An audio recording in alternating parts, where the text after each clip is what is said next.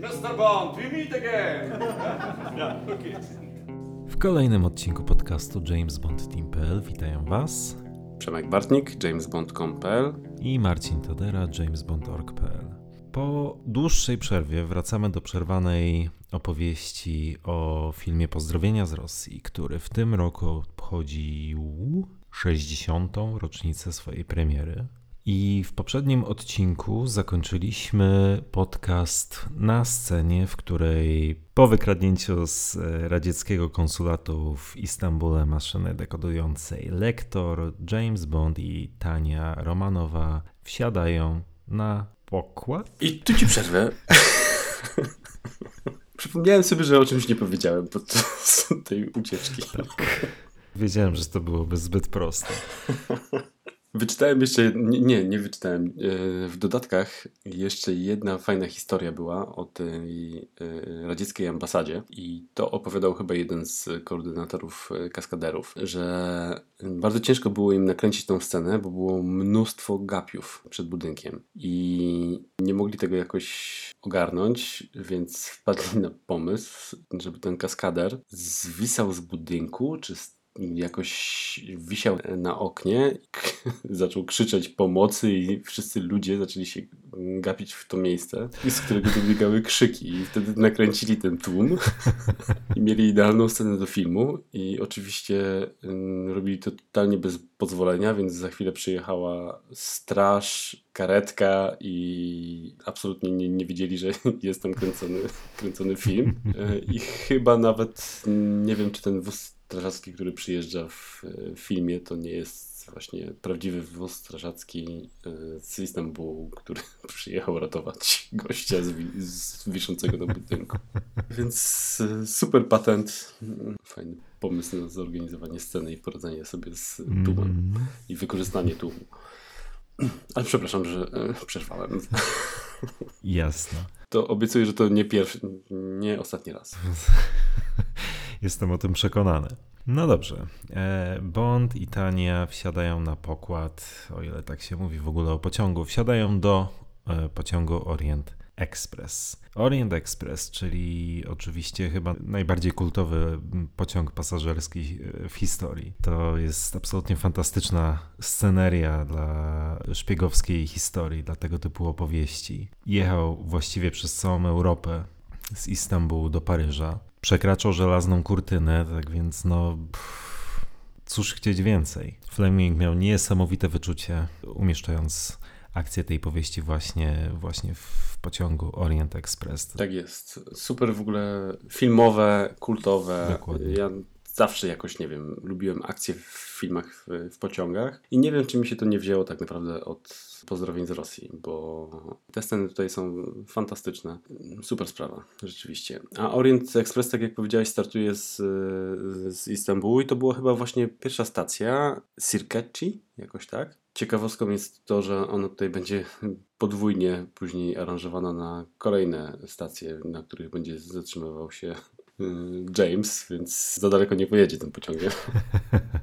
Ale tak, na dworcu jeszcze to, o, o, czym wspominałem Ci chyba w kinie, bo wydaje mi się, że nie wspominałem tego w poprzednim y, odcinku. W momencie, kiedy pociąg rusza i widać tam, że w środku jest Red Grant, to obok siedzi kobieta, którą jest żona Harry'ego Salzmana, czyli Jackie Salzman, takie małe cameo. I to chyba nie tylko żona Harry'ego Salzmana pojawia się w tym filmie, tylko pojawi się też żona Terensa Younga, ale to o tym opowiem pod koniec naszej opowieści. Jasne. To akurat już właśnie o tym wspomniałeś przed chwilą. To jest też ciekawe, bo e, wsiadając do pociągu Orient Express, wiemy o tym, bo na tym skupia się akcja na dworcu w Stambule, że do pociągu wpada też Benz, czyli szef ochrony konsulatu. Natomiast my widzimy również, że w pociągu jest Dokładnie. Grant. Co mhm, jest w sumie mhm. fajne, no bo, bo nie jesteśmy tym faktem później zaskoczeni. My, jako widzowie, od samego początku wiemy, że to jest ciąg dalszy pułapki, którą Spectre zastawiła na Jamesa Bonda. Dokładnie tak. W pociągu jest również Karim Bey. Dokładnie. I daje im paszporty z nowymi nazwiskami. I jak się okazuje, James razem z Tanią zostają małżeństwem jako David i Caroline Somerset. Dokładnie. Dopiero niedawno zauważyłem po raz pierwszy, jak w scenie, w której właśnie przedstawiają się sobie, wyczytują nazwiska z paszportów i tak dalej, i tak dalej, Karim Bey proponuje Bondowi drinka i wychodzą z przedziału, to Tania w tym momencie tak bardzo... Hmm, w taki dosyć bardzo rozczulający sposób widać, że w myślach jakby powtarza sobie swoje nowe nazwisko. Nigdy na to wcześniej nie zwróciłem uwagi. Mówi, wspominałem o tym w poprzednim podcaście i powtórzę to teraz. Ja jestem rolą Danieli Bianki zachwycony. Mhm. Jestem zachwycony jej, jej luzem, jej naturalnością. Ona się, ja odnoszę takie wrażenie, że ona się jakoś szczególnie do tej roli nie spina. Podchodzi nad, znaczy wydaje się bardzo dobrze bawić na planie. Mm -hmm, Albo przynajmniej to udaje, ale, ale naprawdę wypada pod tym względem bezbłędnie. Bezbłędnie, fantastycznie się na nią patrzy i w tych scenach tam jest masa takich e, fajnych smaczków, które uwielbiam. To jest właśnie jedno to, o czym powiedziałeś, to powtarzanie nazwiska, drugie to w ogóle jak oni grają ze sobą to takie małżeństwo, to jest super słodkie. Tak, Czy zarówno jakieś tak. tam klepnięcie w tyłek e, i jej palec, że niektóre e, angielskie zwyczaje że... będziemy musieli zmienić. Dokładnie. I pamiętajmy o tym, że ona miała wówczas 20 lat. Coś niesamowitego. A propos jeszcze takich scen, które uwielbiam, to fantastycznie jak mają przykrywkę jako małżeństwo i później leżą razem na pryczy łóżku i Karim puka do, do drzwi, a James mówi jesteś bliżej. To jest, to jest takie, takie bardzo staromałżeńskie. Tak jest po pięciu minutach przykrywki y, już jest tak, jakby byli ze sobą pięć lat. Tak. Tak więc choćby też pod tym względem ten film jest naprawdę. To jest kolejny plus tego filmu, ale z całą pewnością obsadzenie Danie, Danieli Bianki w tej roli jest strzałem w dziesiątkę, bo no umówmy się, porównywaliśmy ją do Ursuli Andres już w tym, e, w tym odcinku podcastu i oboje przyznaliśmy, że no jednak Daniela tutaj ma znacząco góruje nad swoją e, poprzedniczką, jeśli chodzi o, o grę aktorską, ale myślę, że nawet w kolejnych odcinkach Chociaż nie, tu może trochę za bardzo, za bardzo wybiegam z tą myślą, bo jednak o ile przy Goldfingerze można rzeczywiście dyskutować, no to potem Thunderbolt będzie miał też kilka świetnych kreacji, więc to jest kolejna rzecz, którą pewnie wytniesz z tego podcastu. Natomiast e, słów zachwytu nigdy za wiele. Pewnie. Karim wyciąga Jamesa na drinka, ale tak naprawdę lecą odwiedzić Benza. Mhm. I jeszcze tylko zanim odwiedzają Benza, no to tutaj poznajemy też, jaki jest plan podróży że się tak wyrażę, bo mhm. na tym etapie historii plan jest taki, że Bond i Tania mają wysiąść jeszcze przed granicą z Bułgarią. Następnie e, dotrzeć na jakieś niewielkie lotnisko, z którego polecą do Aten. Karim też informuje Bonda właśnie o tym, że w pociągu jest Rosjanin, czyli Benz, no i proponuje mu odwiedziny. Mhm. Dokładnie. I te odwiedziny też są strasznie fajne. Bardzo lubię tę scenę i uwielbiam Karima, który po tym jak zakneblują Benza, siada tak, rozgaszcza się i zaczyna swoją opowieść mówi miałem fascynujące życie. Chcesz posłuchać? Świetne to jest. Swoją drogą to e, charakterystyczne dla starych filmów kneblowanie polegające po prostu na włożenie, włożeniu czegoś do ust bez zawiązania twarzy. To jest takie też z dzisiejszej perspektywy oczywiście mm -hmm. no mhm. urocze, bo wiadomo, że to... Właśnie, ale wiadomo, próbowałeś kiedyś wepchnąć sobie wielką chusteczkę do ust i wypchnąć ją bez użycia rąk? Kto wie, może to nie jest takie proste. Może się mylę, oczywiście, ale nie pierwszy raz, ale Ale to jest rzeczywiście taki patent typowo filmowy ze starych filmów. Mhm, dokładnie. To w wielu filmach coś takiego się pojawia. Siedzę u młodego w pokoju i widzę, że są rozrzucone ciuchy i są jego skarpetki, ale nie zamierzam sprawdzać. Daj sobie czas. Tak. To, co jest jeszcze fajnego, o czym opowiadał Sid Kane przy realizacji tych scen, to wnętrze pociągu było e, odwzorowane oczywiście w, w studniu nie kręcicie w prawdziwym pociągu. Y, natomiast Sid Kane wykonał odpowiedni research. Poszedł na tą stację i wsiadł do Orient Expressu z miarką i zaczął sobie tam wszystko wymierzać po to, żeby móc zbudować później studiu fajną scenografię. I tyle czasu mu to zajęło, że nie zdążył wysiąść. I, w dodatkach klnął, że przez to zmarnował mnóstwo czasu i wysiadł dopiero kilkaset jakiś tam mil dalej. Ale też w ogóle narzekał, że podobno nie za ładny był e, ten Orient Express w, w środku i jak odwzorowywali, to starali się zrobić o wiele ładniejsze. Więc to też ciekawe.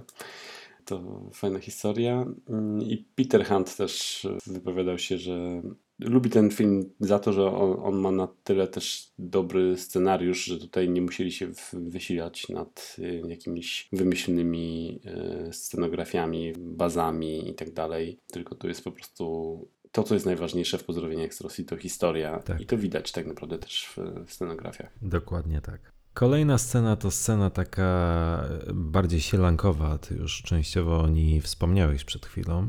Bond wręcza Tani mm, koszulę nocną. Koszulę no, nocną, dokładnie. Tania sugeruje, że będzie nie w tych swoich nowych. I zresztą sposób, w jaki to robi, też jest taki bardzo nietypowy dla Jamesa Bonda, dla Jamesa Bonda, Shona Connerego zwłaszcza, bo ewidentnie w taki bardzo teatralny sposób udaje, że jest to część magicznej sztuczki. I takiego luźnego Bonda Shona Connerego też nieczęsto widzimy, ponieważ te sceny są takie bardzo naturalne. One nie wiem jakiego słowa użyć, ale tutaj twórcy nie silą się na jakieś e, gagi, na, na to, żeby to było niepoważne. To, to są takie luźne, luźna relacja, czy wyraz luźnej relacji między dwoma, no nie są to bliscy znajomi oczywiście, bo to byłaby przesada, ale e, to o czym wspomniałeś wcześniej, że zachowują się momentami jak stare małżeństwo.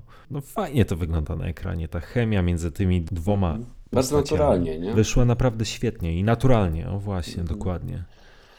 Tak jest. Tania też wspomina o tym, mm, że będzie tę koszulę nocną, te kreacje nosiła chociażby mhm. na Piccadilly po dotarciu do Londynu, na co, co Bond kwituje stwierdzeniem, że raczej nie, ponieważ e, całkiem niedawno wprowadzili bardziej restrykcyjne prawo. I próbowałem, mhm. szczerze mówiąc, dotrzeć do informacji, jakie prawo James Bond miał na myśli, mówiąc to, bo zakładam, że to nie jest tylko wymysł scenarzystów, tylko jest to nawiązanie pewnie do zmiany prawodawstwa w Anglii, zapewne związanego z obyczajnością, ale powiem szczerze, że nie znalazłem takiej informacji. A potem się trochę tym szukaniem znudziłem już. Właśnie pamiętam, jak oglądaliśmy film razem w kinie na spotkaniu bondowym i właśnie wtedy powiedziałeś, trzeba będzie to sprawdzić. Mm -hmm. Tak się zastanawiałem. I naprawdę próbowałem.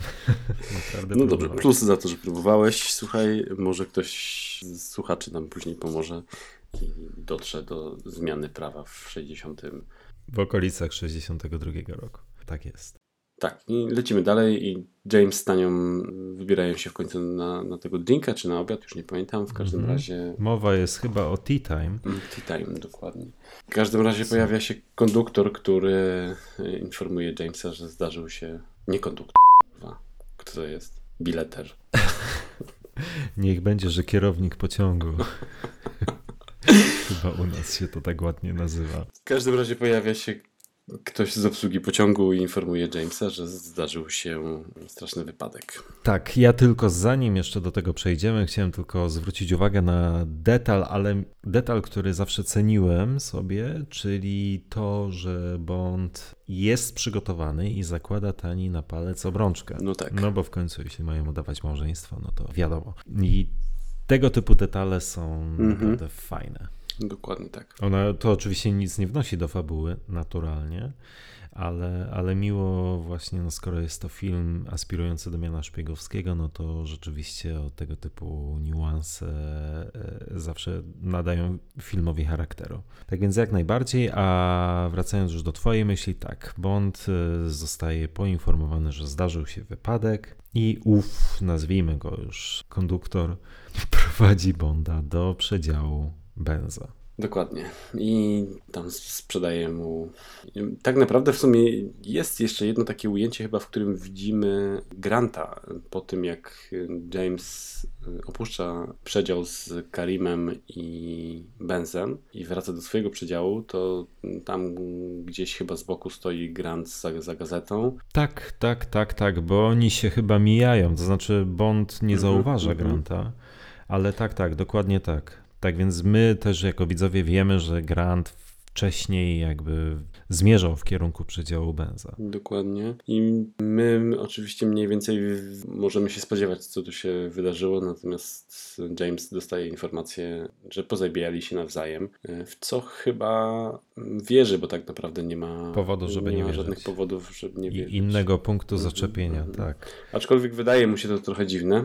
Jest na początku taka mina trochę zdziwionego e, Jamesa, no ale tak jak mówimy, on nie wie o obecności Granta i, i wydaje się to prawdopodobnym scenariuszem. Scena też o tyle symboliczna, że sam Pedro Amendaris, tak jak opowiadaliśmy w zeszłym odcinku, niedługo po zakończeniu zdjęć do pozdrowień z Rosji umiera, więc myślę, że dla bliskich jego, którzy oglądali później ten film, to pewnie też nie, nie była super przyjemna scena.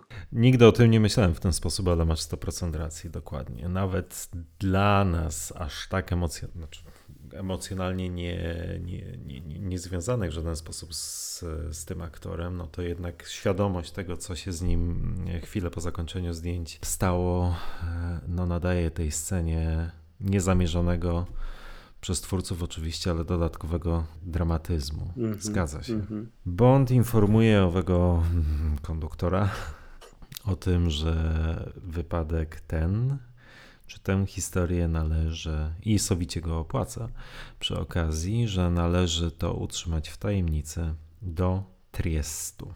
Co sugeruje, że plan podróży bardzo znacząco się zmienił. Triest to jest miasto we Włoszech, już we Włoszech, czyli pierwsze miasto za żelazną kurtyną.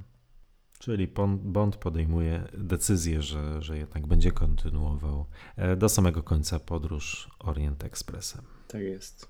E, nie wiem, czy to w tej scenie, czy później, ale tam jest tak zmontowane, że widać jadący pociąg na tle mapy i przemieszczający się trochę tak jak później w Indiana Jonesie, coś w tym stylu. Dokładnie, też też mam dokładnie to samo skojarzenie zawsze. To jest ja zawsze w Indiana Jonesie absolutnie uwielbiam te sceny, jak leci samolot jest to taka czerwona kreseczka pokazująca trasę samolotu i tutaj też to lubię. No, nie wygląda tutaj to tak super jak w Indiana Jonesie, e, ale lubię ten montaż.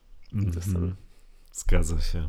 Tutaj też krąży taka legenda e, i w momencie przejazdu tego pociągu, e, nie wiem czy to w tej scenie, czy e, trochę później, gdzieś tam widać jakiegoś człowieka w białym golfie, o którym zwykło się mówić przez lata, dopóki nie wyszło, nie wyszedł film chyba w lepszej jakości, że to może być sam Ian Fleming, który bardzo często gdzieś tam pojawiał się w, na planie zdjęciowym. Natomiast jest to absolutną bzdurą.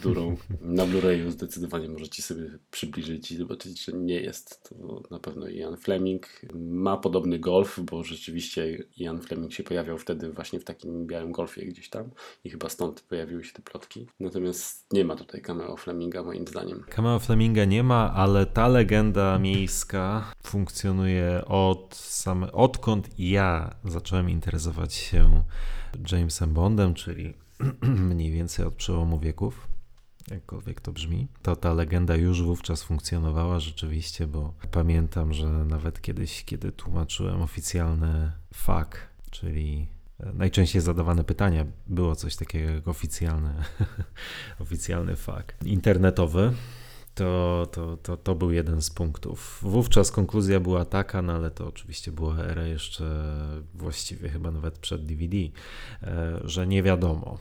E, ale dzisiaj już wiemy, że tam Ian Fleming swojego cameo nie miał, pomimo tego, że rzeczywiście na planie zdjęciowym się pojawił. E, jako doglądał. O, doglądał planu zdjęciowego. By, bywał na planie zdjęciowym gościem, tak. Ale w samym filmie go nie widzimy. Dokładnie. Natomiast z tymi mapami chyba wystrzeliłem za bardzo do przodu, znaczy za bardzo. Taką krótką scenę, ale w miarę znaczącą, gdzie y, James po dowiedzeniu się o śmierci Karima wraca do przedziału i z tego takiego gentlemana czarującego już zamienia się trochę w mniej przyjemnego typa. A nawet nie trochę. Y, uderza ta Tatianę, próbuje wybadać po której jest stronie i czy nie ma jednak nic wspólnego z tym, co się tutaj stało w, w pociągu. Zgadza się. Znaczy, ja myślę, że Bond chyba jest świadom tego, że Tania jest podstawiona. Natomiast no, daje rzeczywiście upust swojej frustracji, złości i gniewu, policzkując ją, ponieważ no, siłą rzeczy nie ma pełnego obrazu sytuacji i nie rozumie tego, co się dzieje. No, scena. Hmm. Nie tak powinien zachować się angielski gentleman. Dziękuję. Uratowałeś mnie. No rzeczywiście jest to pff, trochę niepokojąca scena. No. Tak jak powiedziałeś, nie mam zamiaru tłumaczyć tutaj Jamesa, natomiast y, w pewien sposób wie, że ona jakby działa na dwa fronty, y, traktuje ją przez chwilę w amoku jako wroga i traktuje tak, jak nie, nie powinno się traktować oczywiście kobiety, natomiast 60 lat temu coś takiego mogło się znaleźć scenariuszu, no i się znalazło i chyba nie ma co o tym dyskutować. Nie, nie, nie ma co o tym dyskutować.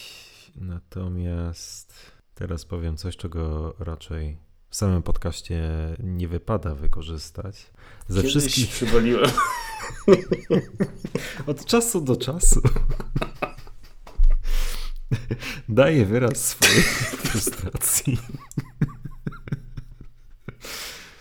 Niezręcznie jest tego typu sceny wartościować, bo rzeczywiście z dzisiejszego punktu widzenia no, reakcja nasza może być w zasadzie tylko jedna, ale ja powiem coś, co jeśli wydaje się być zbyt kontrowersyjne, to oczywiście jest do wycięcia. Seria filmów o Jamesie Bondzie ma wiele kontrowersyjnych scen, scen, które dzisiaj są seksistowskie albo szowinistyczne, albo wręcz, bo za parę miesięcy będziemy omawiać Goldfingera, niesmaczne. I z tych wszystkich niezręczności bondowskiej serii, ta wydaje się być i mam teraz na myśli, że przez pryzmat świata przedstawionego w filmie w pewien sposób wytłumaczalna, to znaczy jest to wyraz, znaczy ja to zawsze interpretowałem jako wstęp do po prostu przesłuchania, czy pewnej formy przesłuchania, wydobywania przez funkcjonariusza wywiadu informacji od przeciwnika. I zawsze chyba bardziej mhm. tak mhm. interpretowałem ten, tę scenę, niż jako wyraz dominacji jednej płci nad drugą. Mhm. Bardzo dobrze powiedziane. A w końcu to tylko płaskie, a nie jakieś podtapianie. Nie no, waterboarding to z całą pewnością jest e, nie te czas. Może w Bondzie 26. Ech, dokładnie. Nie, to, to, to już wytnę. Przed, przed, ja proponuję, że wiesz, surowy montaż tego, tego fragmentu to musisz dać chyba Weronice do przesłuchania. Żeby nie wyszło na to, że się nabijamy. Z... Nie mogę, bo tak to, to nic tu nie będzie w tym podcaście.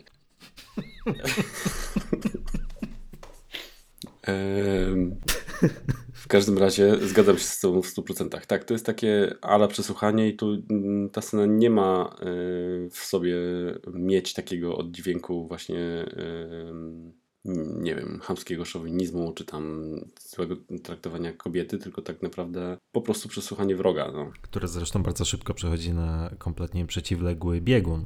No ale można przyjąć próbując usprawiedliwić twórców tego filmu, można przyjąć, że jest to jakaś forma próby wydobycia informacji, a Tania e, się jej temu nie poddaje, ponieważ zarzeka się, że, że ona kocha Bonda, że ewentualnie jest gotowa mu opowiedzieć o wszystkim, ale w Anglii. Mhm, dokładnie tak.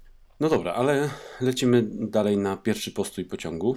Mm, Belgrad. Tak? Ale przepraszam, mhm. jeszcze tylko jedno słowo, bo co akurat jest fajne w tym filmie, to to, że ta scena, ta scena jest na swój sposób oczywiście punktem zwrotnym opowieści, zgadza się, bo teraz Bond przechodzi do defensywy, zostaje sam, ale też jego relacja z Tanią się zmieni.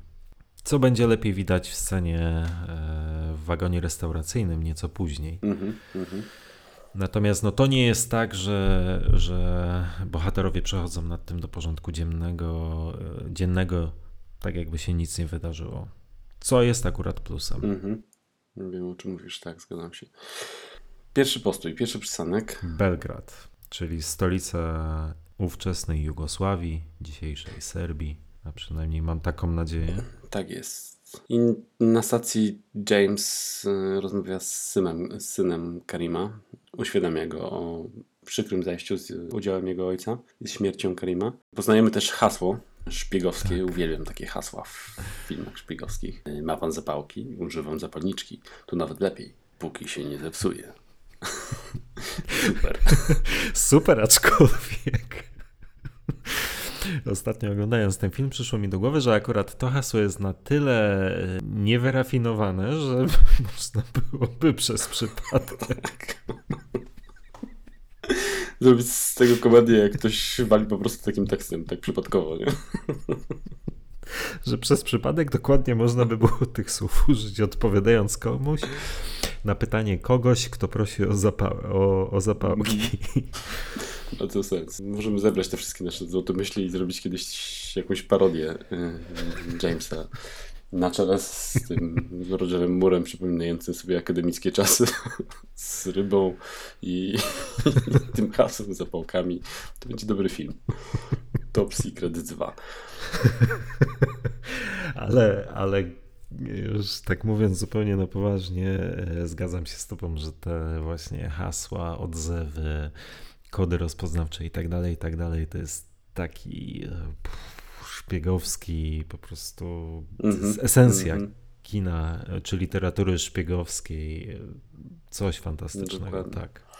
Tu w tej samej scenie widzimy e, Granta, który śledzi Jamesa i bardzo fajnie go śledzi, bo e, śledzi go z poziomu pociągu. Jakby idzie mm -hmm. równo z nim, tylko że wewnątrz pociągu, a James jest na zewnątrz, na, na stacji. No i podsłuchuje to hasło oczywiście. Mm, nie, tu się z Tobą nie zgodzę. To znaczy, on jest świadkiem tej rozmowy, wie, jak taka rozmowa już ewentualnie przebiega, ale hasło Grant już zna. A, okej. Okay. Bo nie wiem, czy to jest rzecz, która została źle napisana w scenariuszu, czy to jest rzecz, która umyka w tłumaczeniu. Natomiast e, chyba to drugie. Natomiast Później, kiedy Grant rozmawia z Bondem, już wiemy, że Grant jest e, tym, kim jest, on Bondowi mówi o tym, że hasło wydobyli mm, od e, ich, czyli e, człowieka MI6 w Tokio. Okay. W polskim tłumaczeniu Trochę brzmi to tak, jakby od tego człowieka z Tokio, w Tokio dowiedzieli się, jaki jest y, kryptonim Bonda, czyli 007. Już teraz nie powtórzę dokładnie tej, tej, te, tego dialogu, ale to jest coś, co faktycznie umyka w tłumaczeniu, bo tłuma z tłumaczenia wynika, że od człowieka w Tokio poznali kryptonim Bonda.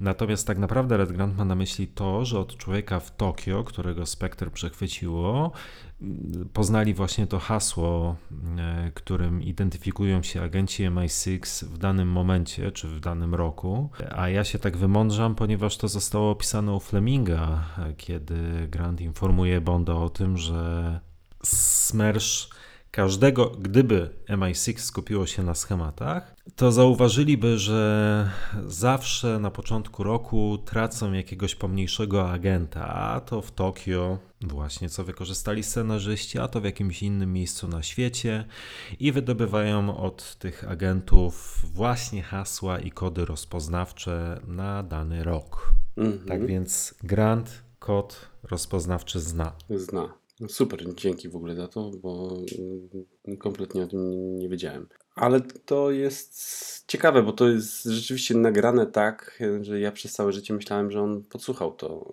y, y, hasło, nie, nie znając książki. Jakoś było to dla mnie takie zupełnie naturalne. A później kompletnie się nie zastanawiałem nad, nad tą opowieścią o Tokio. Ja dopóki nie przeczytałem, czy nie przypomniałem sobie książki, e, to też mi to umykało. No dobra, ale jedziemy dalej. Mm, Znowu są też fajne ujęcia pociągu na tle mapy i jedziemy aż do kolejnej stacji, do Zagrzebia, prawda? Do Zagrzebia. Ponieważ w Belgradzie syna Karima Beya James Bond prosi o to, żeby skontaktował się z M i e, poprosił go o przysłanie wsparcia właśnie do Zagrzebia. Czyli cały czas jesteśmy na terenie e, dawnej Jugosławii. Dokładnie. W ogóle ten, jeszcze mi przy- przypomniałeś jedno, y, to w, jaki on sposób go prosi o to, żeby poinformował M. On, mm, Sean tam gra, albo James gra, nie wiem, albo James y, stara się być taki szorstki dosyć na początku dla tego syna. Y, Właśnie mu sprzedał info, że jego ojciec nie żyje, ale mówi mu tak, takimi wyraźnymi poleceniami. Ja zawsze jak, jak, jak to oglądam, to zastanawiam się, jak, jak ja bym był na miejscu Jamesa, to bym powiedział, sorry stary, przytulił gościa, zmarł twój ojciec i tak dalej. A on, załatw coś tam ode mnie, nie? Tutaj ym, masz zrobić to i to i tak dalej, i tak dalej. I jest do tego stopnia szorstki, że mam wrażenie, że w pewnym momencie sam się reflektuje i jakby przypomina sobie, a jeszcze mam, pewnie chciałbyś to, to zatrzymać i daje mu rzeczy osobiste Karima, ale wydaje się taki jakby nie ma czasu, musi szybko przekazać informacje co dalej i to jest najważniejsze, a nie jakieś tam stlenienie się nad zmarłym ojcem. Ale dokładnie tak jest. Mhm. Ale dokładnie tak jest, ponieważ no nie ma czasu, bo za chwilę jest informowany o tym, że pociąg zaraz wyrusza w dalszą drogę. I to, o czym przed chwilą powiedziałeś, jest bardzo ważne, ponieważ to nakreśla nam postać Jamesa Bonda i charakter postaci Jamesa Bonda, który mimo wszystko w pierwszej kolejności mm, kieruje się poczuciem Mhm, obowiązku. mhm, A dokładnie. w tym momencie no, najważniejsze i kluczowe było właśnie wezwanie wsparcia. Tak jest. Tak więc myślę, że to jest kolejna przemyślana i nieprzypadkowa scena. Mhm, mhm. Dokładnie. Kodeks agenta. Myśl o tym, żeby nie doprowadzić do jakiegoś rozczulenia, tylko jechać z ważnymi informacjami, a Misja przede Misja wszystkim. przede I to jest bardzo, bardzo flemingowskie. Mhm. Tak jest, ale Zagrzeb teraz w końcu Grant znajduje agenta wcześniej niż, niż James. W bardzo fajnej scenie i bardzo przemyślanej. Scenie. e, I to bardzo mi się podoba i to też nie, nie pamiętam kto wpadł na ten pomysł, ale chyba nawet e, nie wiem czy nie Sid Kane. Nie wiem czy mam to gdzieś zapisane. Natomiast ten pomysł na to, żeby nie było słychać w ogóle tego tekstu. My wiemy, że Grant się podszywa pod agenta, wiemy, że sprzedaje Mhm. mu hasło, bo widać, że prosi o, o ognia. Idą do toalety, za chwilę Grant wraca z, z walizką i, i kapeluszem i cały czas od samego początku tak naprawdę filmu nadal nie wiemy jak brzmi głos y, Granta. I to jest super fajny zabieg, bo pierwszy raz słowa wypowiedziane przez Granta słyszymy dopiero jak przedstawia się Jamesowi w, w pociągu. I zawsze mnie tak naprawdę bardzo zadziwia. y, Za pierwszym razem, jak oglądałem Pozdrowienie z Rosji i bardzo często to uczucie mi towarzyszyło też w późniejszych scenach, że tak naprawdę przez to, że tak długo się czeka na ten głos Granta, to jak on się w końcu odzywa tym angielskim akcentem, to zupełnie inaczej sobie wyobrażasz Dokładnie. Tak, i tak, myślisz, tak. jak to w ogóle, dlaczego James nie poznaje, że to jest jakiś wróg? Przecież on, on gada nie tak, jak powinien. Zupełnie Dokładnie inaczej. wiem, do czego zmierzasz. Tak. Super sprawa. No i bardzo, fajna, bardzo, bardzo fajna scena. Bond, y, czy przepraszam, Grant właściwie nawiązuje kontakt z Bondem. Przedstawia się jako kapitan Nash, o czym przed chwilą wspomniałeś. Nasz jest, czy Grant jest również przedstawiany Tani. I lecą na obiad. I lecą na obiad. Wcześniej jeszcze tylko ustalają, że wyskoczą z pociągu przed granicą w Trieście. To jest taka też fajna dosyć e, ta rozmowa zapoznawcza między e, Bondem i, i, i, Grantem, kiedy Bond wypytuje Granta o to, jak długo jest w Jugosławii, ten go informuje, że od trzech lat. Taka rozmowa dwóch agentów o, o, o swoim fachu. Bond ciekawi go to, czy, czy stacjonowanie w Jugosławii jest interesujące ciekawe, na co nasz odpowiada, że od czasu do czasu taka rozmowa o niczym dwóch. Small talk agentów. Small talk, o właśnie, small talk agentów, dokładnie tak. E, no, Grant od czasu do czasu Bonda określa mianem e, staruszek, staruszku. Old man.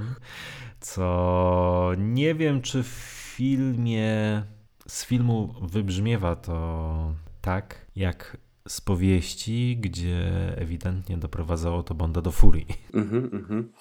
Tak, to znaczy w filmie widać, że go to wkurza.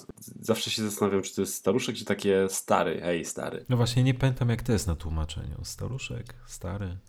Chyba stary, chociaż nie wiem. E, w każdym razie to jest taki tekst, który sobie Grant przyswoił jako typowe angielskie mm, powiedzenie i używa go bardzo ciężko, e, bardzo często i to rzeczywiście e, Sean odgrywa tak, że widać trochę to wkurzenie. Ja przynajmniej tak to zawsze odbierałem, że widać, że go to irytuje, ale już przewraca oczami prawie, że e, ale, ale tak, to zdecydowanie widać. Mhm.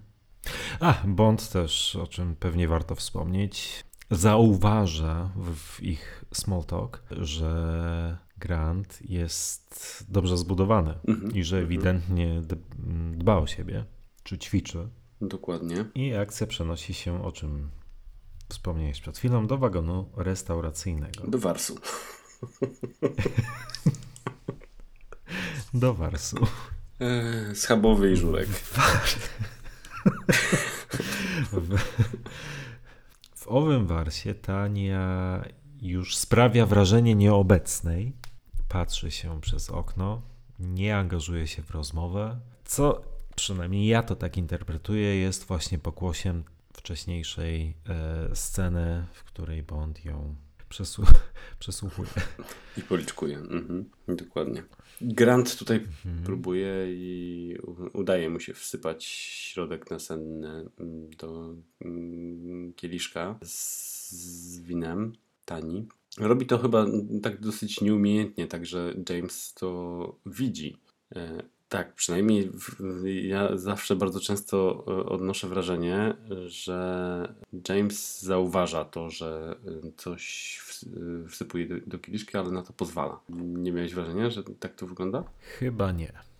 Chyba nie. Mhm. Ja zawsze uważałem, że Bond później dodaje sobie dwa do dwóch, natomiast nie miałem chyba przekonania, że, że on widzi to, że, że Grant wrzuca tą chloran wodzianu do, do kieliszka. No rzeczywiście bardzo teatralnie, bardzo teatralnym gestem rozlewa wino tani i, i później to też wszystko ma taką otoczkę właśnie bardzo ekspresyjną, ale, ale nie, nie, jakoś ja akurat takiego wrażenia nie miałem. Zawsze bardziej mi się wydawało właśnie, że Bond później jakby sobie to wszystko składa do kupy. I dochodzi do wniosku, że, że Grant coś. Coś wsypał. A w książce jak to? W książce to właśnie, właśnie w ten, ten sposób.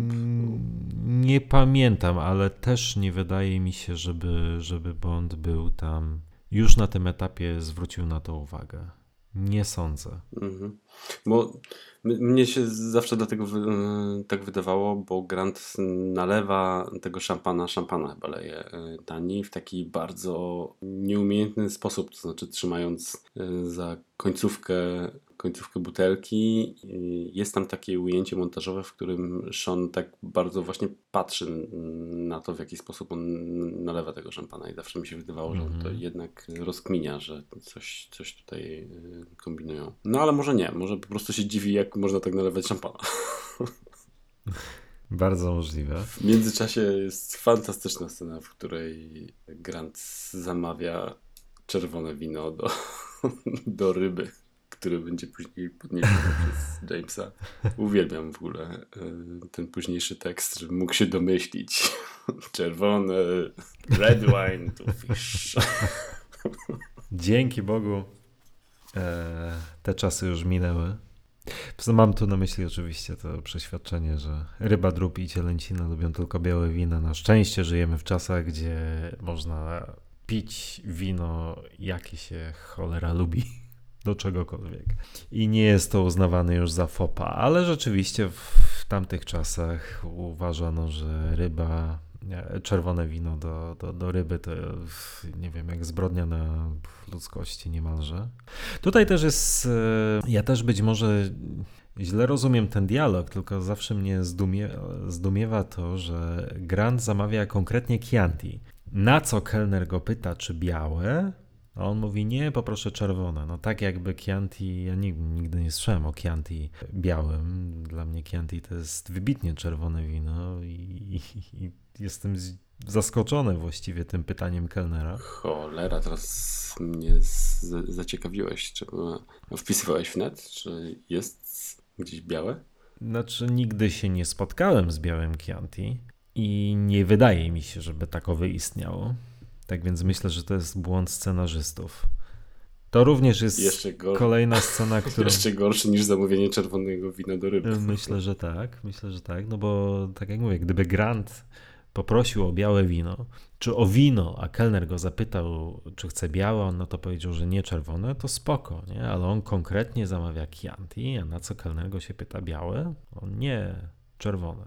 No, the red kind. Ciekawe. Mhm. Ciekawe. Dzisiaj to się pewnie trochę łatwiej e... inaczej.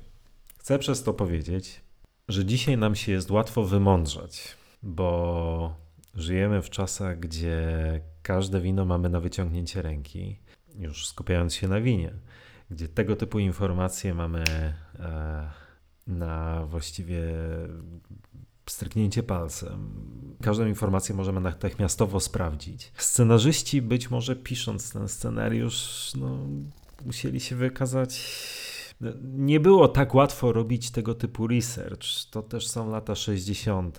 Kiedy Fleming pisał Pozdrowienia z Rosji, czy generalnie kiedy Fleming zaczął pisać opisywać historię o Jamesie Bondzie, były, to były czasy, które w Wielkiej Brytanii wiązały się raczej z e, powojennym kryzysem, również żywieniowym. Stąd też popularność Jamesa Bonda, który fascynował czytelników tym, że jeżdżąc po świecie doświadcza tych wszystkich smaków, je te fantazyjne potrawy, e, które wówczas były dla Brytyjczyków nieosiągalne. Tak, więc to jest kolejna pewnie rzecz, o której warto pamiętać oglądając te filmy, czy, czy przede wszystkim czytając powieści. I tutaj, tak jak już sugerowałem wcześniej, ja nie mam żalu do scenarzystów, bo z dzisiejszej perspektywy łatwo mi się wymądrzać. A pewnie w roku 62, kiedy ten scenariusz był pisany, czy 63, no to nie było takie oczywiste, jeśli ktoś rzeczywiście nie był pasjonatem win. Tak to sobie tłumaczę. I pewnie też nie przywiązywano do tego aż takiej wielkiej, aż takiej dużej uwagi. Po prostu to są już dwa zupełnie różne światy. To jest bardzo fajne, co powiedziałeś i bardzo mądre. Zgadza się. A w Wielkiej Brytanii wszyscy walili browary pewnie i... Do dzisiaj tak robię. Dokładnie. Więc ciężko wymagać od, od nich znajomości szczepów winorośle. Winstons, tak, win z Toskanii, dokładnie. 100% racji. No nie mówiąc już też o takim szczególe jak no, żyjemy w... To, to, już jest kompletnie do wycięcia, ale to, to też, też, trzeba pamiętać o tym, że no jednak kiedyś granice i granice celne były czymś innym niż, niż dzisiaj. Nie? Tak więc no, Dzisiaj wino włoskie w polskich sklepach jest czymś naturalnym, a kiedyś to, to, to, to nie było takie oczywiste. No, dokładnie. No dobra, ale opuszczamy yy, wagon restauracyjny. już teraz zaczynamy brzmieć jak naprawdę takie stare dziadki, które tłumaczą. jak. No słuchaj, po pierwsze... Dobrze, że nie przechodzimy faktycznie do historii Jugosławii. Co takiego było szczególnego w Jugosławii, która była za żelazną kurtyną, ale.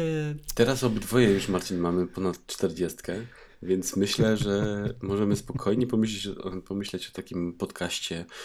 Wydarzenia historyczne związane z każdym odcinkiem Bonda, nie? Albo.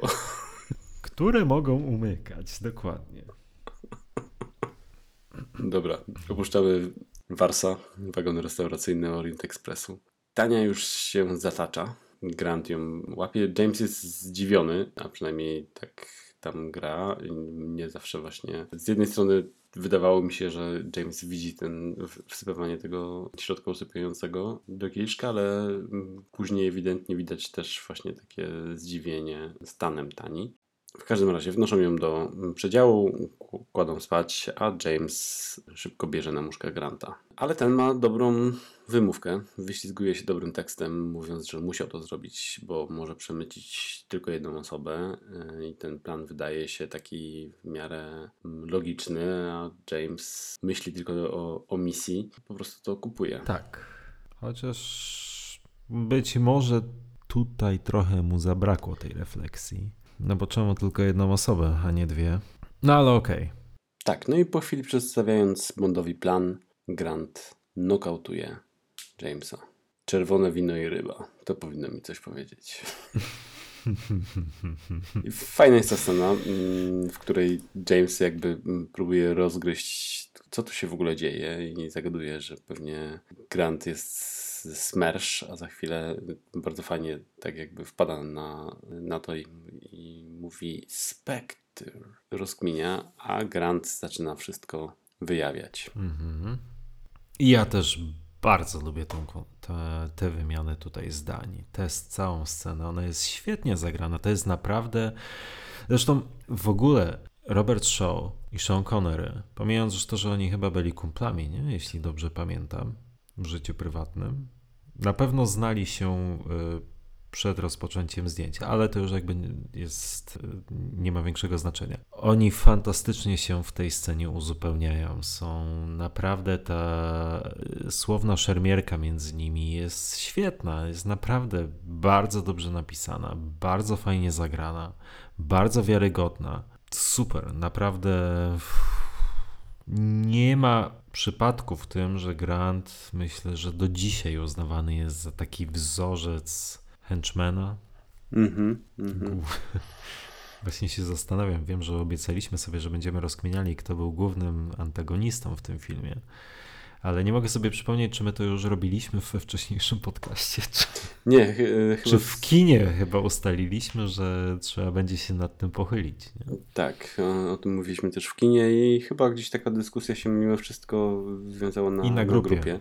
Tak. To jest bardzo ciekawa kwestia. Kto, kto tu jest głównym wrogiem w ogóle? I w sumie możemy pociągnąć ten temat dalej, nie? Bo z jednej strony... Bardzo specyficzny film pod tym względem. Bardzo specyficzny. Dokładnie. I w sumie zdziwiło mnie to, że tak wiele jest różnych e, opinii, bo mm, dla mnie jakby głównym wrogiem w tym filmie jest Blofeld, a tak naprawdę numer jeden. Tak. Bo nie do końca wiemy, że Blofeld do napisów końcowych tak naprawdę chyba nie wiem, że Blofeld. Natomiast wiele osób jakby wprost podaje głównego wroga tutaj jako Rosa Klep na przykład. Mm -hmm. Tak, no Grant dla mnie był zawsze czymś na kształt henchmana Natomiast rzeczywiście w tym filmie chyba nie sposób jednoznacznie wskazać głównego przeciwnika Jamesa Bonda. I teraz już sobie przypominam tę naszą dyskusję z grupy James Bond Team.pl, e, która się wywiązała. Pamiętam, że porównywaliśmy pozdrowienia z Rosji mm, pod tym względem do operacji Piorun gdzie dzieliliśmy się swoimi refleksjami i uznaliśmy, zresztą chyba oboje mieliśmy to samo zdanie, że nie ma właściwie racjonalnego powodu, dla którego w pozdrowieniach z Rosji Blofelda uznajemy jednak za tego głównego przeciwnika, a w operacji Piorun nie. Tylko stawiamy na Largo, pomimo tego, że moc sprawcza jest bardzo podobna i dynamika jest bardzo podobna. Oczywiście Largo jest, ma więcej czasu ekranowego, natomiast w zasadzie to jest bardzo podobna historia i bardzo podobne relacje i schemat działania, e, który wiąże czarne charaktery w tych filmach. A jednak no, tutaj stawiamy na Blofelda, natomiast w Operacji Piorun raczej Largo. I czy to wynika właśnie z tej ilości czasu ekranowego, czy z charyzmy Emilio Largo, trudno powiedzieć, bo tak jak już mówiłem, moc sprawcza i wydarzeń na ekranie jest myślę bardzo zbliżona, ale ja o Rozie Klep jako głównym czarnym charakterze tego filmu jakoś też nigdy nie myślałem. Mm-hmm. Tak, no, też sobie przypomniałem, że ja tam porównałem Emilio e, Largo do, do takiego pm który ma wielkie zaufanie u, u prezesa, a Rozę i Kronstina do takich nie wiem, nowych nabytków prezesa, którym jeszcze nie do końca może zaufać, którzy muszą raportować co chwilę i, raportują co chwilę. Nie tak jak Largo. Largo ma jakby mocne zaufanie i my później w Thunderboltu już nie słyszymy, nie widzimy Blofelda. A tutaj jednak ci bohaterowie cały czas wracają raportować do numeru jeden. I może dlatego to jest też y, jakby dla mnie przynajmniej stawia Blufeldę jako mimo wszystko tutaj gościa, który mm, trzyma wszystkie sznurki. Mm -hmm, No to jest ciekawa uwaga z tym końcowym raportowaniem. A rzeczywiście no, zarówno Roza, jak i Kronstin są trochę wyżej postawieni albo znacznie wyżej postawieni niż y, Grant czy Morzeni, który też tutaj jest jakby nie było henchmanem, no który no tak. ma swojego czasu ekranowego też bardzo dużo tak naprawdę w tym filmie. Aczkolwiek w sumie mimo wszystko nie zostaje w pamięci tak bardzo jak, jak Grant. Nie? W ogóle nie ma porównania. E, myślę, że bardzo, bardzo, bardzo wielu widzom, czy nawet fanom Bonda, umówmy się, nazwisko Morzeny kompletnie nic może nie mówić. I nie mówię tego oczywiście, jest to całkowicie zrozumiałe. O, sposób, w jaki ta postać została mm, pokazana, no to, to jak najbardziej. To jest bardzo ważna postać w hierarchii Spectre, ale no w końcu jest szefem ich wyspy. Natomiast no, jest stosunkowo marginalną postacią w kontekście całej tej opowieści. Tak więc myślę, że można najbezpieczniej jest myślę założyć, że jest tutaj coś na kształt. Mamy w pozdrowieniach z Rosji mamy do czynienia z czymś na kształt bohatera czy antagonisty właściwie zbiorowego. Co dobrze się wpisuje akurat w powieść czy w koncepcję Fleminga, bo tam ewidentnie pozdrowienia z Rosji są napisane w ten sposób, żeby dać czytelnikowi do zrozumienia, że Bond walczy tam po prostu z aparatem radzieckiego wywiadu. Nie tylko ze Smierszem, bo w tą całą operację były zaangażowane kilka agencji wywiadowczych. Natomiast, e, bo nie pamiętam czy KGB, chyba tak, oprócz tego Rumit, Gieru. Tak więc Bond walczył tam z radzieckim aparatem szpiegowskim.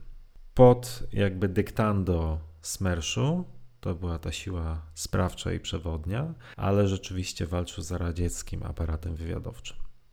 O tym, jak mi tego brakuje w tym filmie, już wspominałem wcześniej i pewnie jeszcze za chwilę wspomnę, więc, więc jedziemy dalej. Jasne.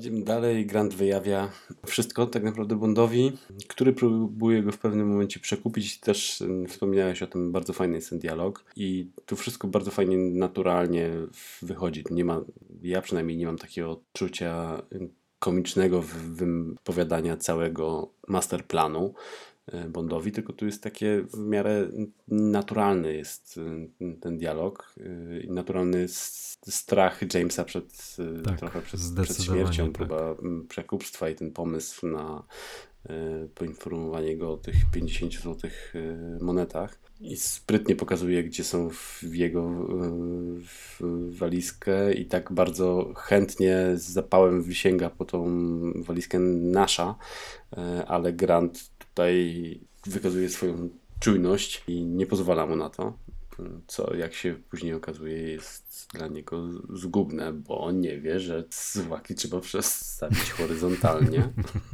a James ćwiczył razem z Q. No właśnie, powiedz mi, bo jest w tym filmie scena, w której Bond e, otwiera tę walizkę, którą Grant wnosi ze sobą do pociągu, czyli tą walizkę, którą on kradnie od agenta w Zagrzebiu. Mhm, mhm, mhm. Nie wspomnieliśmy o tym, a tak rzeczywiście do, przed pójściem do wagonu restauracyjnego jakby wypuszcza ich pierwszych, a sam zostaje po to, żeby sprawdzić tę walizkę i potwierdzić, że to jest naprawdę. Tak, tam jest między innymi broń Mhm. i tak dalej, i tak dalej. I Bond wtedy ten pojemnik z tym wybuchającym czymś uzbraja, bo nie przypominam sobie. Nie, ale chyba przekręca horyzont, horyzontalnie te, e, tak, ten zamek. Te zamki. Tak?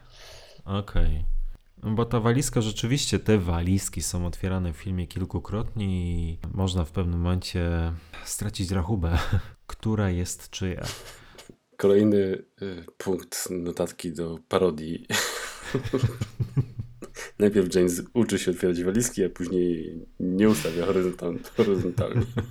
I wybucha mu gaz w twarz. Tak.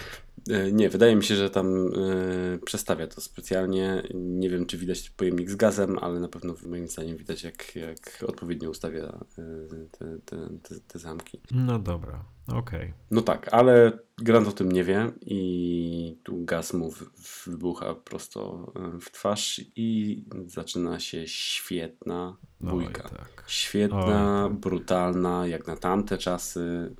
Nie wiem, porównując choćby do doktora No i tych przewrotów z, z szoferem albo coś tam, to, to jest zupełnie inna już skala. Mhm. Mm, Nawet porównując do wielu późniejszych filmów, szczególnie z ery Rogera Mura, to tu w ogóle kompletnie nie ma, porównania. żadnego porównania. Tu jest genialnie zrealizowana, brutalna, porządna scena bójki. Mhm. Tak. Porządna scena bójki, to, że ona jest świetnie nagrana i bardzo dobra jest choreografia tej bójki, to jest jedno. Natomiast to, co w tej bójce jest wyjątkowe i co sprawia, że do dziś jest to jedna z absolutnie czołowych scen bijatek w tej serii. I kolejnej, kolejną taką zobaczymy nieprędko. Już myślę, że nie będziemy dzisiaj dywagować, bo trochę by to nam rozjechało ten podcast. W tej bójce czuć stawkę. W tej bójce czuć to, że obaj walczą o życie. W tej bójce nie ma jakiejś, nie ma finezji. Tutaj jest najzwyklejsza w świecie chęć przetrwania Mhm. i oboje próbują na wszelkie możliwe sposoby pokonać przeciwnika. Ja nie wiem, czy ja potrafię to dobrze wyrazić słowami, ale tutaj rzeczywiście czuć to, że jest to bójka na śmierć i życie. Mhm, mhm, dokładnie tak. Myślę, że jakbyśmy się pokusili o wymyślanie mm, bójek, które możemy porównać, to byśmy chyba doszli aż do Casino Royale tak naprawdę. Do Casino Quantum. Royale. No, Mhm, dokładnie. tak. Bójka z Więc Fisherem. To ym, wielki szacunek i scena zdecydowanie kultowa. Tak. Dokładnie tak jak powiedziałeś, dobrze wyraziłeś to słowami, wręcz bardzo dobrze. Zgadzam się z tobą, podpisuję rękoma i nogoma. tak jest. I tak, zakończenie też jest fajne i też jest brutalne. Uduszenie.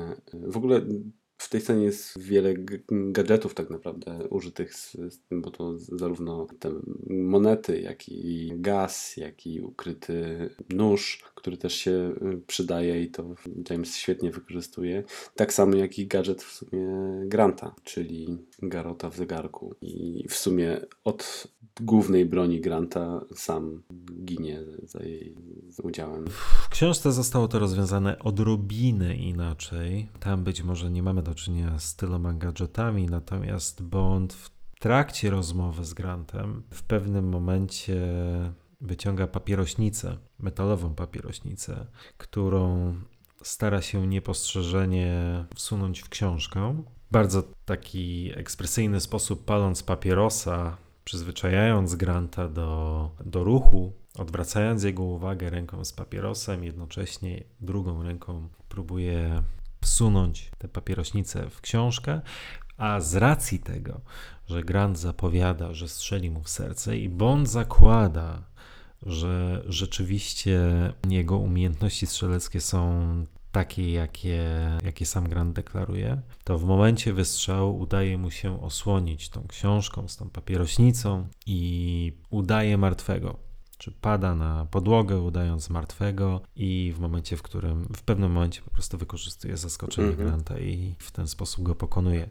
Ale no, to jest bardzo, bardzo podobna, no historia bardzo podobnie przebiega oczywiście. Przynajmniej do tego momentu, bo za chwilę już będziemy mówili o scenach, które są no wyłącznie inwencją scenarzystów. Mhm. To jeszcze co chciałem powiedzieć o tej rozmowie. Jak słuchałem podcastu James Bond and Friends, to Liza w finale rzuciła taki tekst, że ona nie do końca wierzy Grantowi w tej scenie, że mm, dla niej czegoś innego by się spodziewała po grancie niż chęci przekupstwa, ani jakby zainteresowania w ogóle tymi 50 złotymi monetami.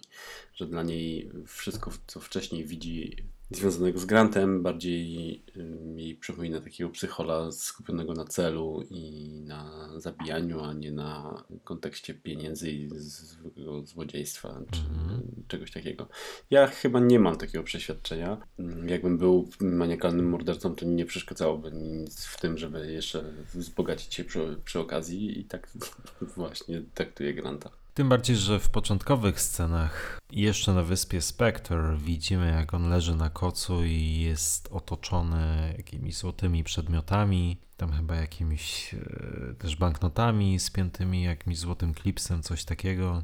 Nie wiem, czy dobrze. No, tego nie skojarzyłem. Natomiast e, wydaje mi się, że pamiętam tę rozmowę z tego podcastu, o którym ty mówisz, i tam Liz argumentując trochę adwocem, ktoś zauważa i ja się z tym zgadzam, że e, jest różnica, bardzo zasadnicza różnica między powieściowym grantem a tym filmowym, ponieważ rzeczywiście powieściowy Grant jest maniakalnym mordercą, czy seryjnym mordercą właściwie, no bo mm, te morderstwa są skorelowane też z fazą księżyca, o czym chyba już rozmawialiśmy. I tak, on rzeczywiście jest tam oddany Smerszowi, mhm, mhm. również za sprawą tego, że mm, może bezkarnie mordować, czy może inaczej, że Smersz mu umożliwia realizację swoich e, chorych zajawek.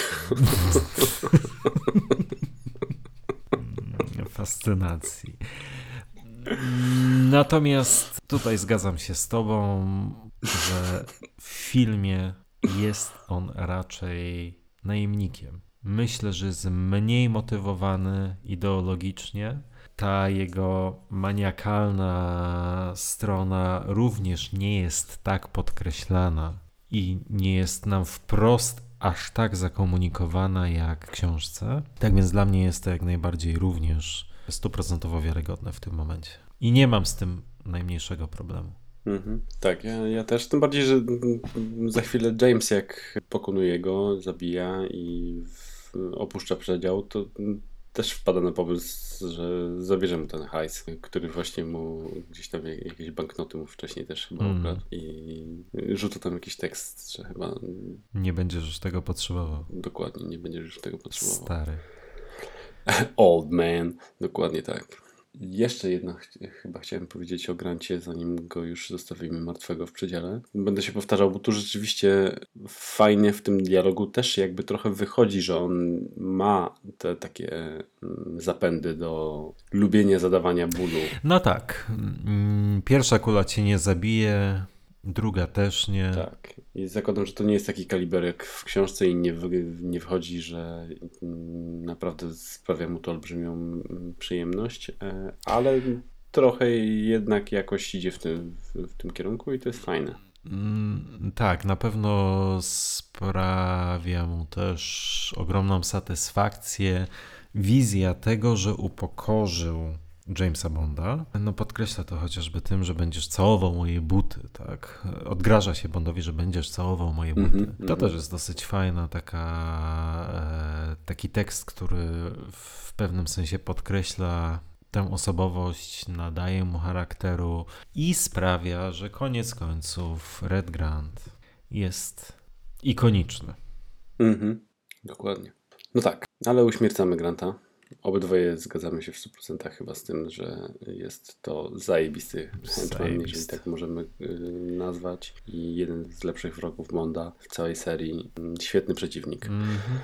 James Tsuchitanie wysiadają z pociągu, który staje zgodnie z planem Nasza, kapitana Nasza, raczej Granta.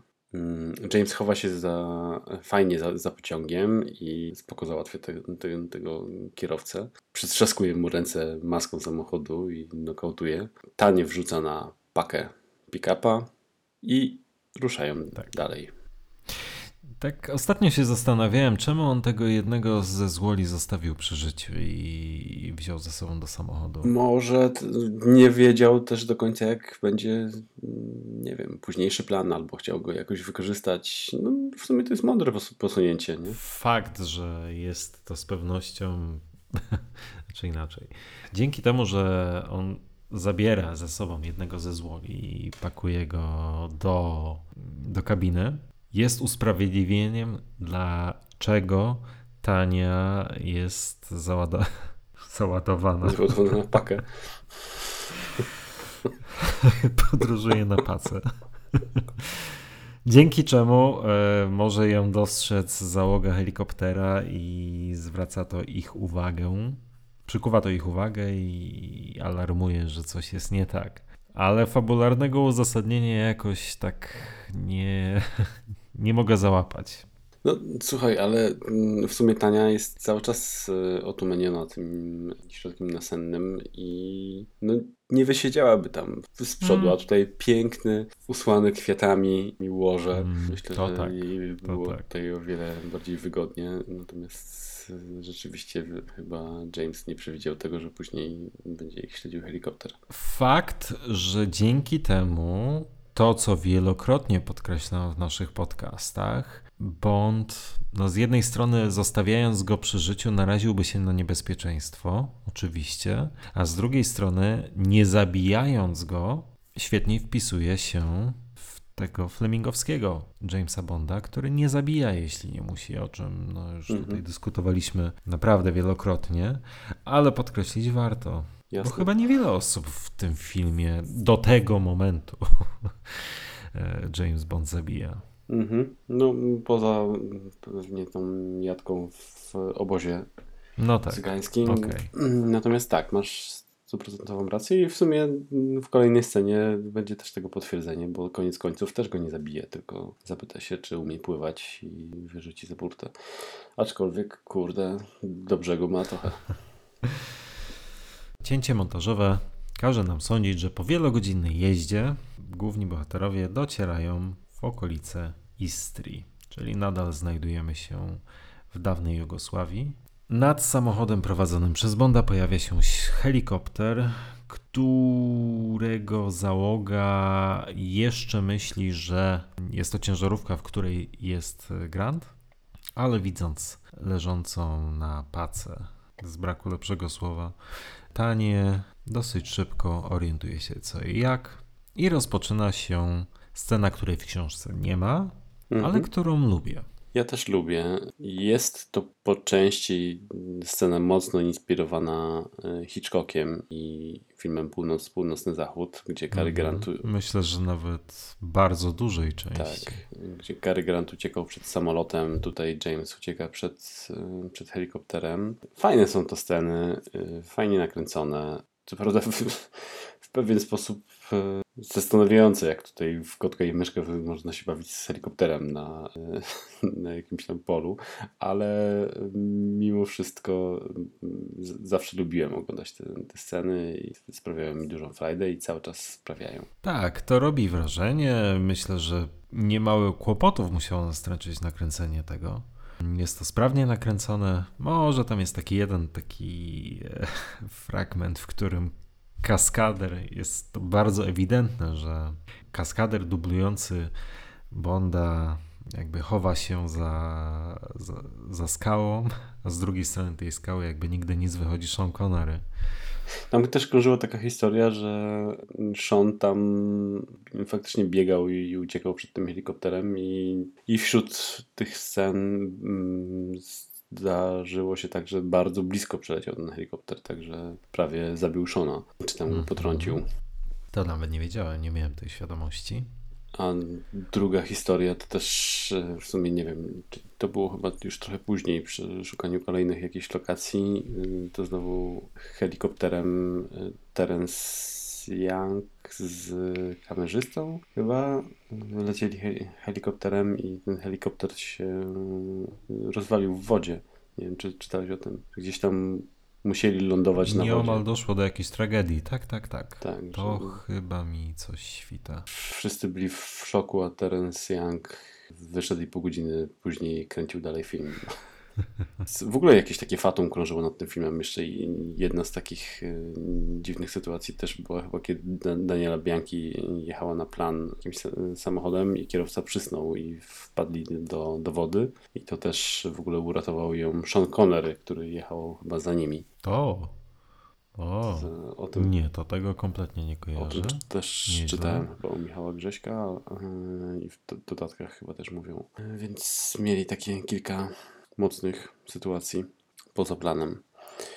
Ale wracając do fabuły, Zgodni jesteśmy co do tego, że- scena z helikopterem jest niezła. tak. I w sumie jeszcze wracając na chwilę do y, tych nawiązań do północy, y, pół- północnego zachodu, to też w sumie sceny w pociągu, które się dzieją, też są bardzo zbliżone tak naprawdę do, do tego, co się dzieje w północ-północny zachód i tam też Cary Grant w Warsie zamawia swojego, swojego ulubionego drinka i to jest też takie bardzo bondowskie i wydaje mi się, że to jeden z najbardziej bondowskich filmów Hitchcocka, który też krążyły leg- legendy, że mógł wyreżyserować Bonda No tak. i że Fleming bardzo by sobie tego życzył w pewnym momencie. No to by było coś.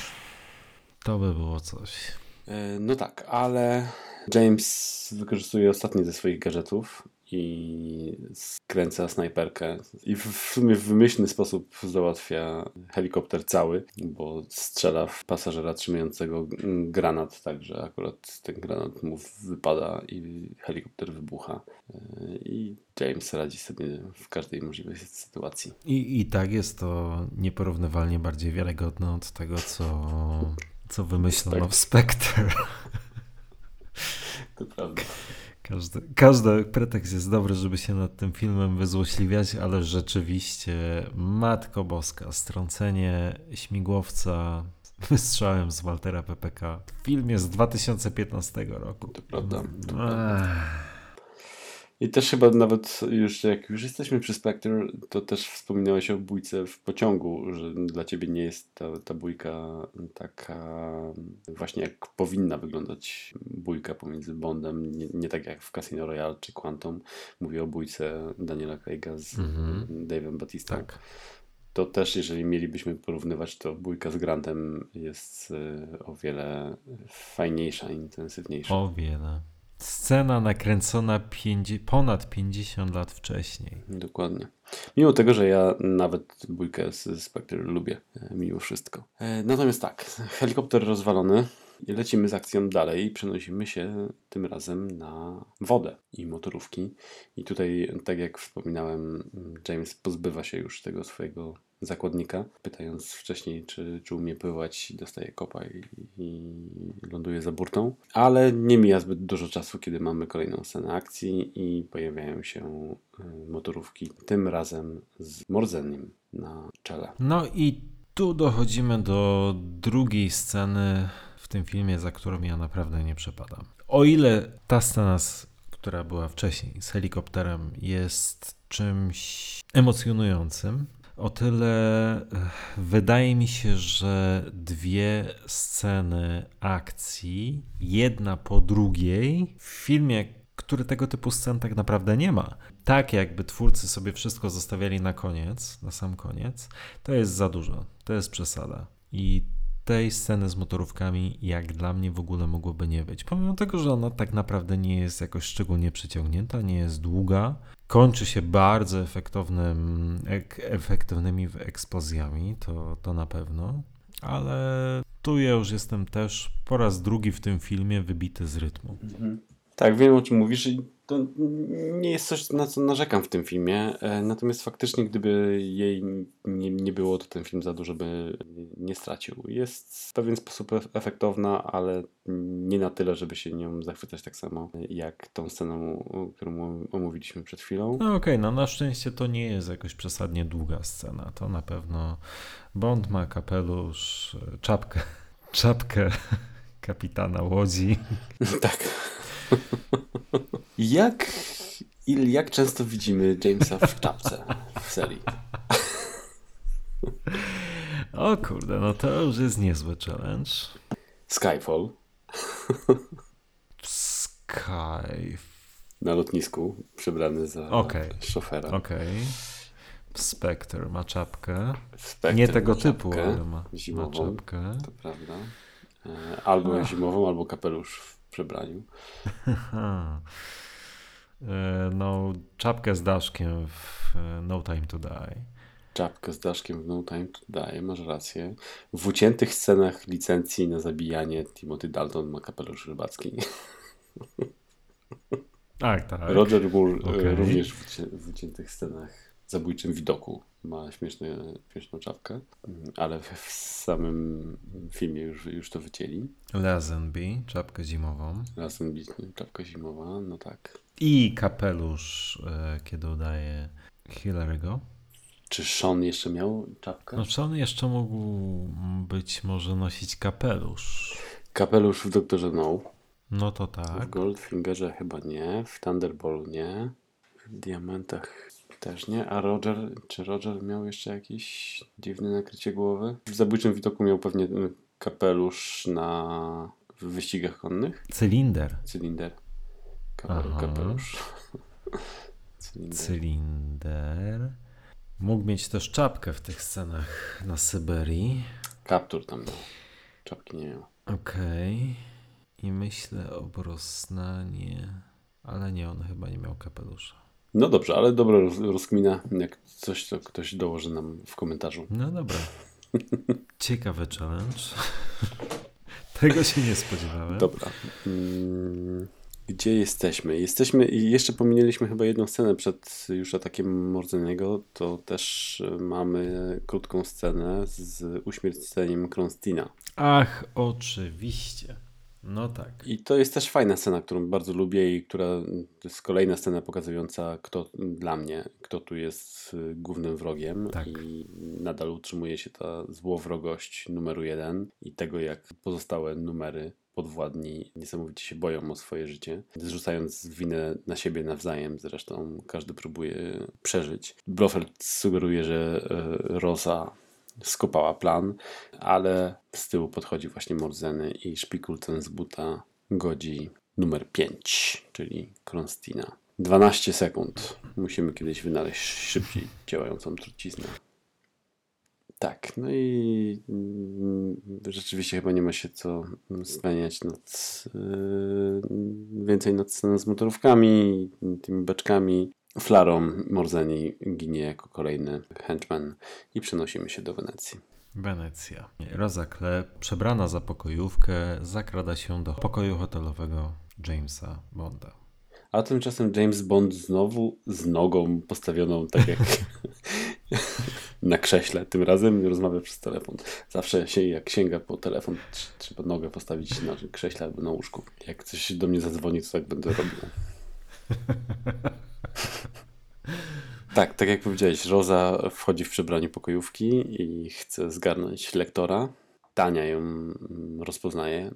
James prosi, żeby zostawiła walizkę i Roza wtedy wyciąga broń i bierze na muszkę Jamesa. I powiem tak. Mm, bardzo lubię w tej scenie mimo wszystko sportretowanie przez Daniele tych jej dylematów. Ja nie twierdzę, że to jest Oscarowa partia, mhm. jasne, ale mimo wszystko z jej mimiki da się wyczytać to, że ma moment zawahania, czy jednak poddać się poczuciu obowiązku, czy nowemu uczuciu. I ten, te, te, to, to jej wahanie mimo wszystko jest nie najgorzej sportretowane, uważam. A jest to bardzo ważny e, element tej sceny. Tak, to znaczy według mnie mogli to zrobić 100 razy lepiej, bo jednak to wahanie jest tutaj nagrane tak jakby Tania, nie wiem, robiła jakąś wyliczankę.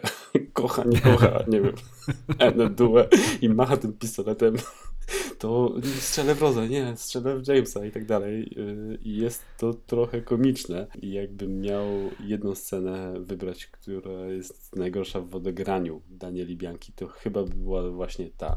Natomiast sam... Ale wzmaga to w pewnym sensie suspense, okej. Okay. Ja, się, mhm. dobra, ja się z tobą zgadzam, ale jest to coś, co wzmaga suspense, co z całą pewnością ówczesnego widza musiało przetrzymać w napięciu. Spoko. Tak, no i przede wszystkim efekt końcowy zostaje osiągnięty, czyli tak naprawdę widz wie, że ona się waha, mm. tak? I że jest to w jakiś sposób y, jeszcze cały czas tkwi w niej ta decyzja i to jest fajne. To jest fajne.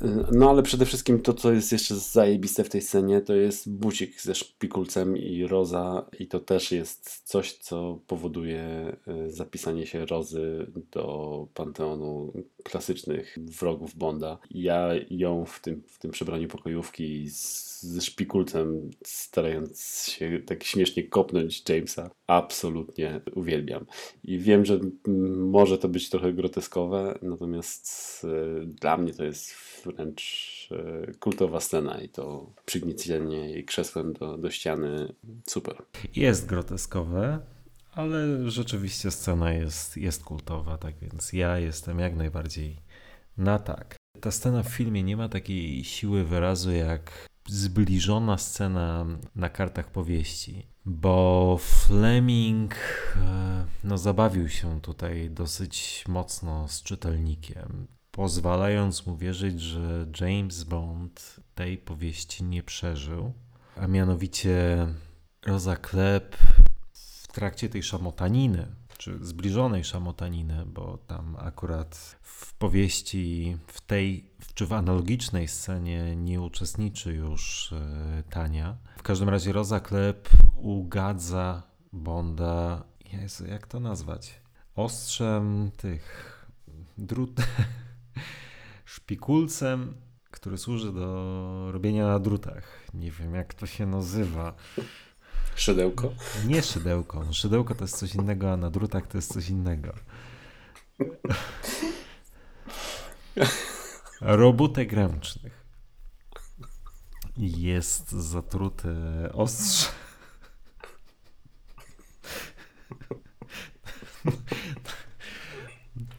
Sprawdziłbym, gdyby nie to, że godzina jest taka, jaka jest, to sprawdziłbym, jak się fachowo nazywa ten szpikulec do na truta. Dopiszesz w komentarzu, słuchaj. W każdym razie ugadza Bonda e, tym szpikulcem, który był zatruty kurarą bodajże. I powieść kończy się w momencie, w którym Bond ma już problem z oddychaniem, traci przytomność, koniec. To myślę, że na ówczesnym czytelniku musiało zrobić ogromne wrażenie. To do dzisiaj czyta się z ogromnym przejęciem.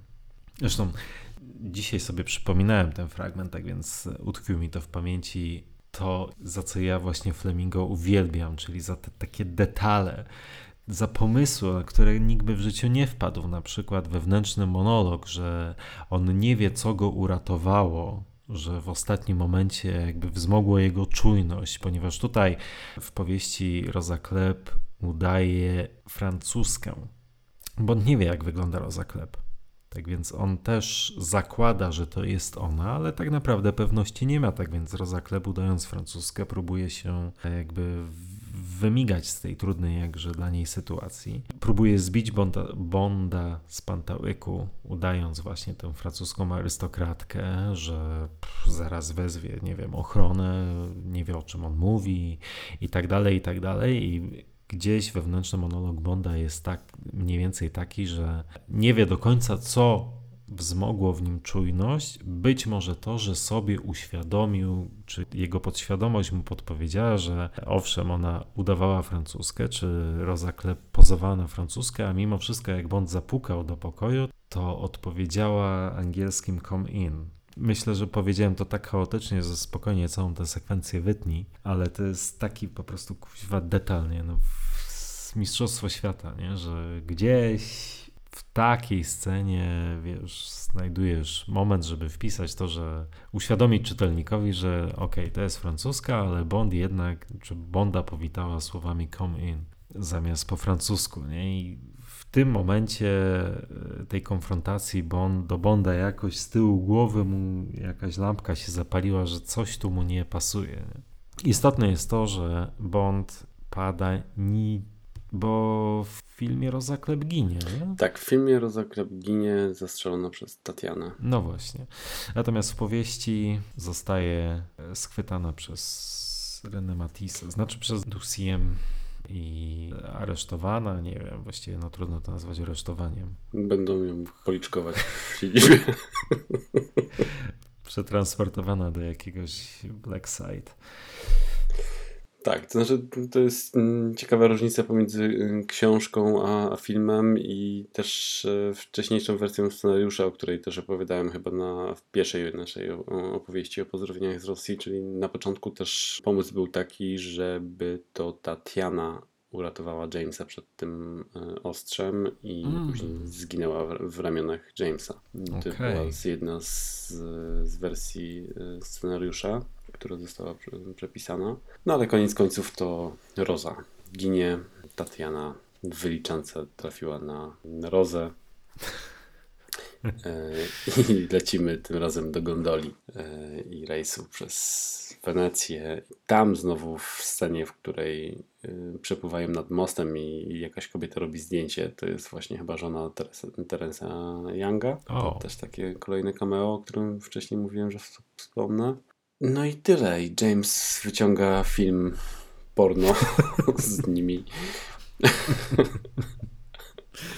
I wrzuca super śmiesznie, e, śmiesznym machaniem. Wrzuca do wody i tak. Machając ręką. Bardzo ciekawie macha, tak. To machanie ręką. Dobra, nie ma co się nad tym rozwodzić, myślę. Nie wiem, czy to jest łamanie czwartej ściany i machanie tak naprawdę do, do widza. Do widza. Mhm. E... Tak, tak, myślę, że tak. Ale nie jestem fanem tego. I pojawiają się napisy The End, ale za chwilę Not Quite, not quite End.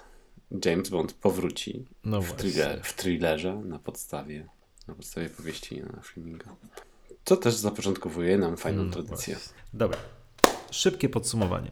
Myślę, że i dlatego właśnie nie przygotowuję się do podsumowań nigdy, czy prawie nigdy, bo to nie pierwszy raz, kiedy w trakcie nagrywania podcastu jakiś film doceniłem bardziej niż mi się wydawało. Mhm. Jeśli mnie pamięć nie myli, przy okazji wstępu wspominałem o tym, że ja z tym filmem miałem problemy Lubiłem go bardziej, lubiłem go mniej na przestrzeni lat. Był taki moment, kiedy naprawdę nie rozumiałem fenomenu, ale muszę przyznać, że przygotowując się do tego podcastu w trakcie tych kilku seansów, czy seansów w kinie na spotkaniu e, fanów w Warszawie w październiku, czy teraz, czy w trakcie tej naszej e, rozmowy, no cholera, kurde. Teraz Jestem na etapie, w którym pozdrowienia z Rosji lubię bardziej niż być może kiedykolwiek. Mhm. No to fajnie to słyszeć. To jest naprawdę film, którego nie da się nie lubić. No. To jest świetna historia, świetnie poprowadzona, z fajnym tempem, nieprzesadzona przede wszystkim. Wprowadza mnóstwo ciekawych, fajnych e, elementów do mieszanki koktajlu, która jeszcze się cały czas formuje. I to jest naprawdę dobry film. Ja bardzo, bardzo lubię go oglądać. Dynamiczna akcja, podróże, plenery. Pod względem fabuły to jest myślę, że jedna z lepszych y, części serii i na pewno, na, na pewno najlepsza z tych trzech formujących, trzech pierwszych formujących koktajl bondowski i jedno z jednocześnie też pokazujące, że tą formułę można w pewien sposób łamać, bo nie mamy tutaj bazy głównego wroga, nie mamy takiej typowej y, rozwałki w trzecim akcie. Jest większe skupienie na takich szpiegowskich aspektach, które jest fantastyczne i ja bym sobie szczerze mówiąc życzył, żeby takie łamanie y, konwencji też jeszcze częściej się pojawiało w y, kolejnych odcinkach serii. Tak jest, tak jest. Jest to film wybitnie skupiony na intrydze, co jest, no, może powiedzieć, wyjątkowe to byłoby za mocne słowo, ale, ale mimo wszystko nie o każdym filmie tej serii możemy powiedzieć dokładnie to samo. Gdyby, o czym mówiłem na wstępie, gdyby nie to, że zdecydowano się mimo wszystko na uczynienie głównym antagonistą tego filmu Spectre, a nie Smersh, przez co ciężar gatunkowy z zimnowojennego thrillera szpiegowskiego zmienił się na thriller z zimną wojną w tle, ze szkodą dla filmu i będę się opierał przy tym. Gdyby nie to, byłby to film doskonały. A tak jest tylko i aż świetnie. Ten film ma swoje mankamenty, owszem, ma swoje mankamenty, to nie ma co ukrywać, zresztą wytykaliśmy je. Nie zawsze jest perfekcyjnie zrealizowany, nawet biorąc poprawkę na rok produkcji, oczywiście. To ma swoje mankamenty, ma sceny, w które wybijają z rytmu, ma sceny, które są trochę nieporadnie zrealizowane albo w sposób nieprzystający do, do całej reszty ale te naprawdę mocne elementy tego filmu są po prostu fantastyczne. To nie jest film, który jest w moim topie i nadal raczej to nie jest film, który jest w moim topie, pomimo tego, że tak jak wspomniałem przed chwilą, na dzień dzisiejszy cenię go sobie być może bardziej niż kiedykolwiek, ale rozumiem, dlaczego jest to film kultowy i rozumiem, dlaczego wielu fanów Jamesa Bonda uważa go za, jeśli nie najlepszy, to za absolutną czołówkę. To jeden z lepszych. Mhm. Ja niedługo mam nadzieję, że odniosę się bardziej do Twoich słów, albo jeszcze raz przysłucham sobie ten nasz podcast po lekturze książki, która jest już tuż przede mną, tylko muszę przebrnąć przez diamenty są wieczne, które cały czas Jedzie mi się przez nie jak przez film. Nie dziwię się, ponieważ rzeczywiście Diamenty są wieczne są bardzo ciężko strawne. Powieściowe Diamenty są wieczne, ale za to pozdrowienia z Rosji. Oh. Can't wait. I słusznie. No dobrze. Myślę, że wiemy o czym będzie kolejny podcast, więc ankiety nie proponujemy. Wiemy, nie wiemy?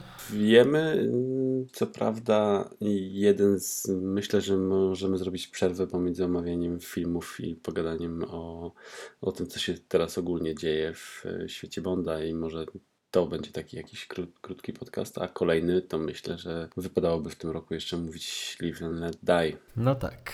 I co? Ośmiorniczka jeszcze chyba miała okrągłą rocznicę. Kurczę, i ośmiorniczka. Tak? Ośmiorniczka, ośmiorniczka. 1983. No, nie wiem, czy zdążymy trzy podcasty nagrać do końca roku, ale słuchaj, lepiej teraz robić postanowienie niż w grudniu, więc działajmy. A za ten rocznicowy podcast z pozdrowieniami z Rosji bardzo serdecznie dziękujemy. Bardzo dziękujemy. Dzięki wielkie Marcin.